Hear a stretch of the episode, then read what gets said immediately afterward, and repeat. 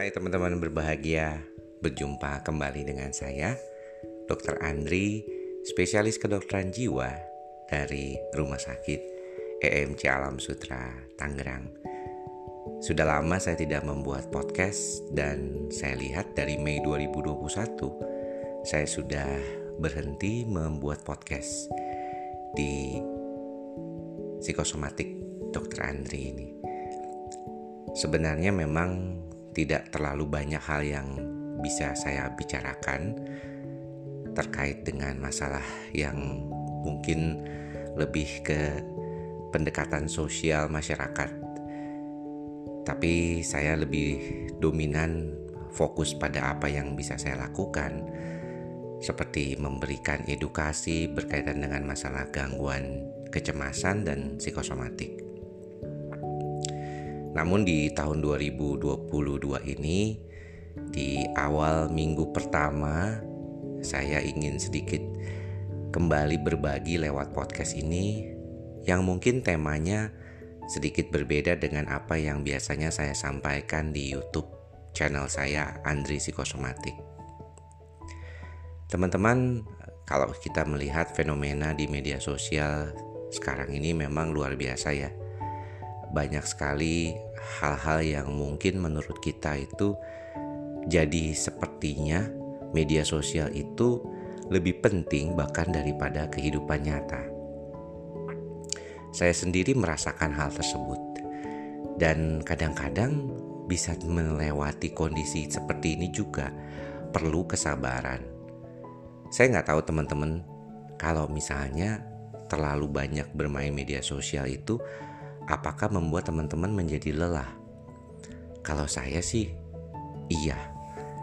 Saya tidak tahu mengapa, buat saya beberapa kali saya punya keinginan untuk melepaskan media sosial saya, khususnya Instagram. Kenapa? Karena menurut saya sering kali saya ada tuntutan untuk membuat konten dan itu yang mungkin menurut saya tidak sebenarnya harus saya pikirkan. Toh tidak ada kepentingannya untuk saya membuat konten. Bagi saya, tugas saya sehari-hari kan sebenarnya adalah memeriksa pasien, bertemu dengan pasien-pasien yang ada di dalam praktek saya. Kalau berbicara tentang konten media sosial, dulu saya mengawalinya bukan di media sosial, saya memberikan edukasi di radio, di televisi, dan paling banyak lewat blog. Karena waktu itu tahun 2010-an itu yang lagi ngetren kan memang blog.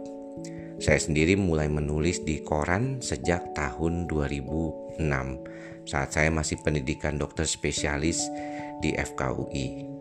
Dan suara pembaruan, Sindo, beberapa koran seperti Jawa Pos, Pikiran Rakyat, pernah juga saya datangi dengan tulisan saya. Belakangan media sosial menjadi jauh lebih dominan. Yang tadinya hanya buat postingan kegiatan ataupun foto-foto yang berkaitan dengan kegiatan sehari-hari, sekarang sudah lebih banyak berkaitan dengan konten. Bahkan kita bisa mengedukasi lebih banyak lagi karena followersnya juga makin lama makin banyak. Orang yang bergabung di media sosial ini makin lama makin banyak.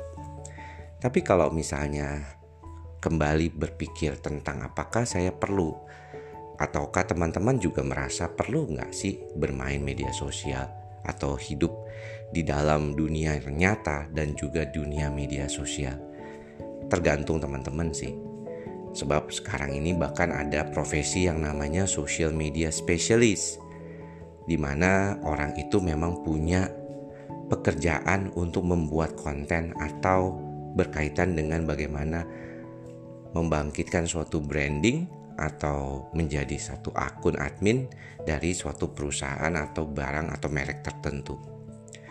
Jadi menurut saya memang sekarang itu sudah mau tidak mau kita akan mendapatkan dampak dari media sosial itu sendiri. Buat saya sebenarnya sering kali saya ingin berhenti gitu menggunakan media sosial. Namun sayangnya karena kebetulan juga sempat aktif juga di media sosial ini, banyak teman-teman menghubungi saya untuk memberikan edukasi lewat media sosial seperti Instagram. Jadi kadang-kadang godaannya saat sudah mau memutuskan untuk berhenti, eh ada orang yang minta untuk IG live misalnya seperti itu. Ada beberapa yang bisa saya tolak. Makanya kalau teman-teman perhatikan, saya jarang sekali melakukan IG live kecuali dengan teman. Karena waktu saya yang singkat saat untuk istirahat saya kira itu lebih baik daripada saya bermain media sosial. Ini juga untuk keseimbangan jiwa saya juga, karena bagaimanapun media sosial kan tentunya memerlukan proses untuk berinteraksi. Tanpa sadar kadang-kadang apa yang masuk ke dalam pikiran kita itu terkait dengan apa yang kita baca sehari-hari di media sosial, sadar ataupun tidak sadar. Banyak di antara kita mungkin merasa Sebenarnya saya tidak pernah loh membaca itu. Tapi apakah teman-teman bisa yakin? Jangan-jangan memang sudah pernah dibaca, tapi tanpa sadar. Apa yang menyebabkan kita bisa tanpa sadar? Karena ketika kita melihat media sosial itu kan scrolling-scrolling seperti itu. Jadi saran saya sih sebenarnya memang ketika kita membuka media sosial memang sedang ada niatan untuk membuka media sosial tersebut bukan misalnya saat lagi kerja kemudian sambil buka media sosial. Fokus kita pada saat membuka media sosial memang ingin membuka media sosial itu, bukan karena hal yang lainnya. Kalau demikian, bisa saja media sosial itu bermanfaat. Saya sendiri masih sering posting berkaitan dengan kegiatan ataupun edukasi berkaitan dengan masalah kecemasan dan kesehatan lainnya. Kadang-kadang apa yang saya posting juga cukup viral, apalagi terutama di Twitter. Tapi ya begitulah, pada dasarnya sebenarnya saya menginginkan kalau bisa tidak lagi bermain media sosial. Maka daripada itu sering kali saya tuh semedi. Dalam artian dalam waktu tertentu misalnya 5 sampai 10 hari saya off dulu dari media sosial. Dan kalau saya off itu ya benar-benar saya matikan jadi tidak nyala gitu dalam tanda kutip nggak dilakukan cuman ditinggalkan doang atau di uninstall tapi benar-benar di deactivated. Karena menurut saya cara deactivated itu lebih nyaman daripada hanya meninggalkan atau uninstall aplikasi di media sosial atau di kaitannya dengan HP kita. Jadi orang punya beda-beda cara ya. Tidak semuanya sama. Tapi sekali-sekali lepas dari media sosial penting juga. Dan apa yang bisa kita lakukan untuk mengisi waktu itu? Membaca buku tentunya. Karena banyak banget sebenarnya buku yang pengen saya baca, tapi saya kekurangan waktu. Kadang-kadang pingin juga buat podcast seperti ini lagi. Walaupun belakangan saya lebih fokus ke YouTube. Tapi kadang-kadang ngelihat podcast saya ingin juga masukin konten kembali ke podcast itu. Seperti hari ini di hari Sabtu pagi sebelum praktek, saya ingin bercerita kepada teman-teman tentang media sosial dan saya. Mengapa sering kali saya ingin deactivated di media sosial tersebut. Saya kira itu saja yang bisa saya ceritakan kali ini. Nanti mudah-mudahan saya akan banyak cerita hal-hal kehidupan sehari-hari yang tidak saya ceritakan di media sosial lainnya.